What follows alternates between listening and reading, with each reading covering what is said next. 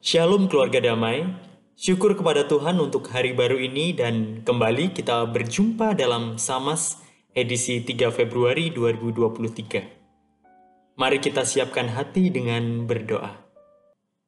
Ya Tuhan, kami bersyukur kalau Tuhan berikan kesempatan bagi kami menjalani hari pemberian Tuhan ini. Bantu kami untuk bisa terus menjalaninya sesuai dengan kehendak Tuhan. Kiranya tuntun kami ya Tuhan, melalui firman yang akan kami renungkan bersama. Di dalam nama Tuhan Yesus kami berdoa. Amin. Keluarga damai, renungan sama kita pada hari ini terambil dari Yakobus pasal yang ketiga, ayatnya yang ke-13 sampai dengan yang ke-18. Yakobus pasal yang ketiga, ayat yang ke-13 sampai dengan yang ke-18. Demikian. Siapakah di antara kamu yang bijak dan berbudi? Baiklah ia dengan cara hidup yang baik, menyatakan perbuatannya oleh hikmat yang lahir dari kelemah lembutan. Jika kamu menaruh perasaan iri hati dan kamu mementingkan diri sendiri, janganlah kamu memegahkan diri dan janganlah berdusta melawan kebenaran. Itu bukanlah hikmat yang dari atas, tetapi dari dunia dari nafsu manusia, dari setan-setan. Sebab, di mana ada iri hati dan mementingkan diri sendiri, di situ ada kekacauan dan segala macam perbuatan jahat. Tetapi hikmat yang dari atas adalah pertama-tama murni, selanjutnya pendamai, peramah, penurut, penuh belas kasihan, dan buah-buah yang baik, tidak memihak dan tidak munafik. Dan buah yang terdiri dari kebenaran ditaburkan dalam damai untuk mereka yang mengadakan damai. Demikian bacaan firman kita pada hari ini. Keluarga damai, tema kita pada hari ini adalah hikmat tanpa iri dengki. Loh, mengapa hikmat tanpa iri? Karena tampaknya Rasa iri ini bisa menjadi salah satu dasar untuk seseorang menjadi berhikmat. Nah, iri sendiri adalah emosi atau perasaan yang biasanya muncul ketika kita melihat seseorang mampu memiliki sesuatu yang kita pikir ya seharusnya itu kita yang bisa memilikinya. Seperti rasa tidak suka ketika orang lain memiliki atau mendapatkan sesuatu yang yang lebih dari yang kita punya. Kasus iri hati ini sudah ada sejak zaman dahulu kala dan tampaknya masih akan terus ada dalam pergolakan hati manusia entah sampai kapan itu berlangsung. Misalnya, waktu kecil kita mungkin bisa iri karena teman kok punya mainan itu, tapi kok aku nggak punya. Ada juga orang tua yang memiliki dua anak atau lebih yang usianya mungkin berdekatan, ya apalagi kembar, biasanya ketika membelikan sesuatu, misalnya mainan atau baju, pasti dibelikan bersama juga gitu. Atau minimal ya menjanjikan untuk membelikannya juga lah, mungkin nanti atau besok gitu. Tujuannya apa ya? Mungkin itu dilakukan untuk menghindari munculnya rasa saling iri dalam diri anak-anaknya. Setelah menjadi pemuda, rasa iri mungkin bisa berkaitan dengan nilai akademik atau mungkin bisa juga mengenai gaya hidup atau bisa juga tentang kisah percintaan. Nah, ada orang yang menyampaikan atau bercerita begitu tentang dirinya yang sampai tidak bisa tidur semalaman karena merasa iri setiap melihat kabar ada satu persatu temannya itu mulai melaksanakan pernikahan gitu. Nah, semakin dewasa mungkin hal-hal yang membuat iri ini berkaitan dengan karir, lebih berkaitan dengan kesuksesan atau juga tentang kekayaan. Nah, kalau zaman sekarang ini banyak juga orang menggunakan media sosial.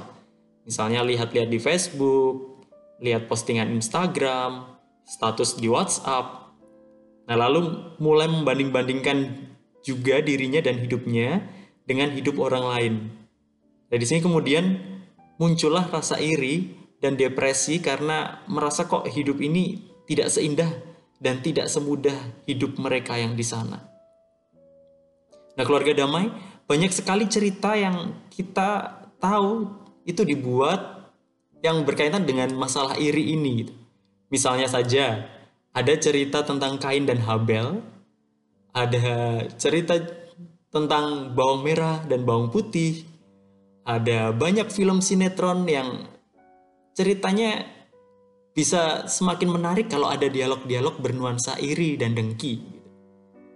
Cerita bernuansa iri itu kemudian memunculkan kisah atau jalan cerita mengenai intrik-intrik seseorang untuk mengalahkan atau menjatuhkan musuhnya. Nah, caranya sangat beragam. Gitu. Para tokoh yang iri ini biasanya kemudian digambarkan menjadi seperti sosok yang pintar dalam mengolah kata, memuji di depan, tapi membicarakan keburukan di belakang. Nah, orang ini biasa menyebar gosip diam-diam. Mereka hanya ingin supaya dirinya yang berhasil dan merencanakan supaya orang lain gagal cara-cara yang mereka gunakan itu biasanya menarik gitu untuk ditonton dan disimak gitu ya. Dan kemungkin kemungkinan juga mungkin kita bisa bisa katakan bahwa kadang-kadang mereka juga kreatif begitu. Nah, di situlah hikmat mereka yang didasarkan pada rasa iri atau dengki. Mereka bisa mengerjakan sesuatu atau melakukan sesuatu. Nah, tapi seperti yang tertulis dalam bacaan kita, dari situ yang ada yang muncul adalah kekacauan dan juga tentu saja adalah perbuatan-perbuatan jahat yang mana mereka berusaha untuk memuaskan keinginan diri sendiri dan menang sendiri tidak peduli dengan perasaan orang lain atau apa yang akan terjadi pada orang lain. Yang penting harusnya aku yang dapat gitu bukan kamu atau bukan dia gitu. Nah tetapi keluarga damai hikmat yang dari Tuhan itu berbeda Hikmat dari Tuhan itu didasarkan pada hati yang murni. Hikmat dari Tuhan senantiasa ada di dalam diri orang yang mau mencoba dan berusaha untuk menjadi uh, para pembawa damai.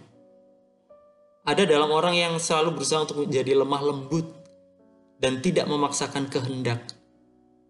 Mereka yang penuh belas kasih dan selalu berusaha berbuah baik dalam kehidupan mereka tidak memihak, dan selalu tulus dalam melakukan sesuatu. Menyampaikan pujian, ya menyampaikan pujian. Bukan karena ada intrik tertentu gitu ya. Keluarga damai, menghilangkan rasa iri memang tidak semudah membalikkan tangan. Kalau biasanya julid, tiba-tiba harus bahagia dengan keberhasilan orang lain, nah itu mungkin bisa menjadi sebuah tantangan yang tidak mudah. Tapi sebetulnya kalau diperhatikan atau mungkin bisa disurvei begitu ya. Berapa banyak orang yang sukses karena iri dalam hati mereka dibandingkan dengan orang yang mau mengucapkan selamat kepada orang yang berhasil dan kemudian belajar dari teman yang berhasil itu. Nah ini nggak tahu perbandingannya mana ya, apa yang iri atau orang yang berani dan mau dengan senang hati mengucapkan selamat kepada mereka yang sudah berhasil dan kita mau belajar dari mereka.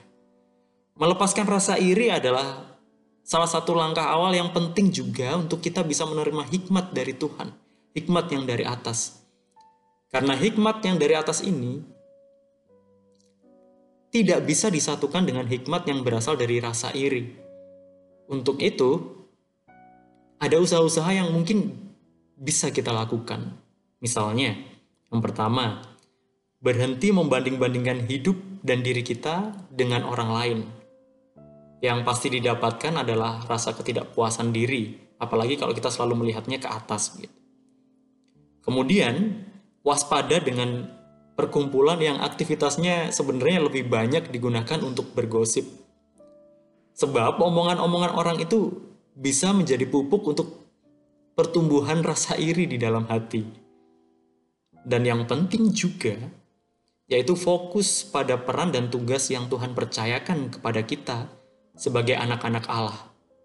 Fokus untuk berbagi sukacita, damai, dan kasih bagi sesama.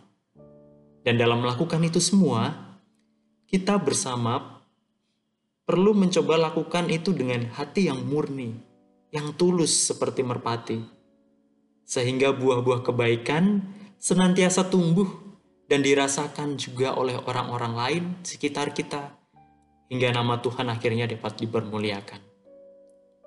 Keluarga damai, seperti lirik dalam lagu dalam Kidung Jemaat yang berjudul Bila Ku Renung Dosaku. Iri hati dan benci itu kadang memang menjelma dalam kehidupan ini. Mewujud dalam kehidupan sehari-hari, disadari atau mungkin kadang kita tidak sadar.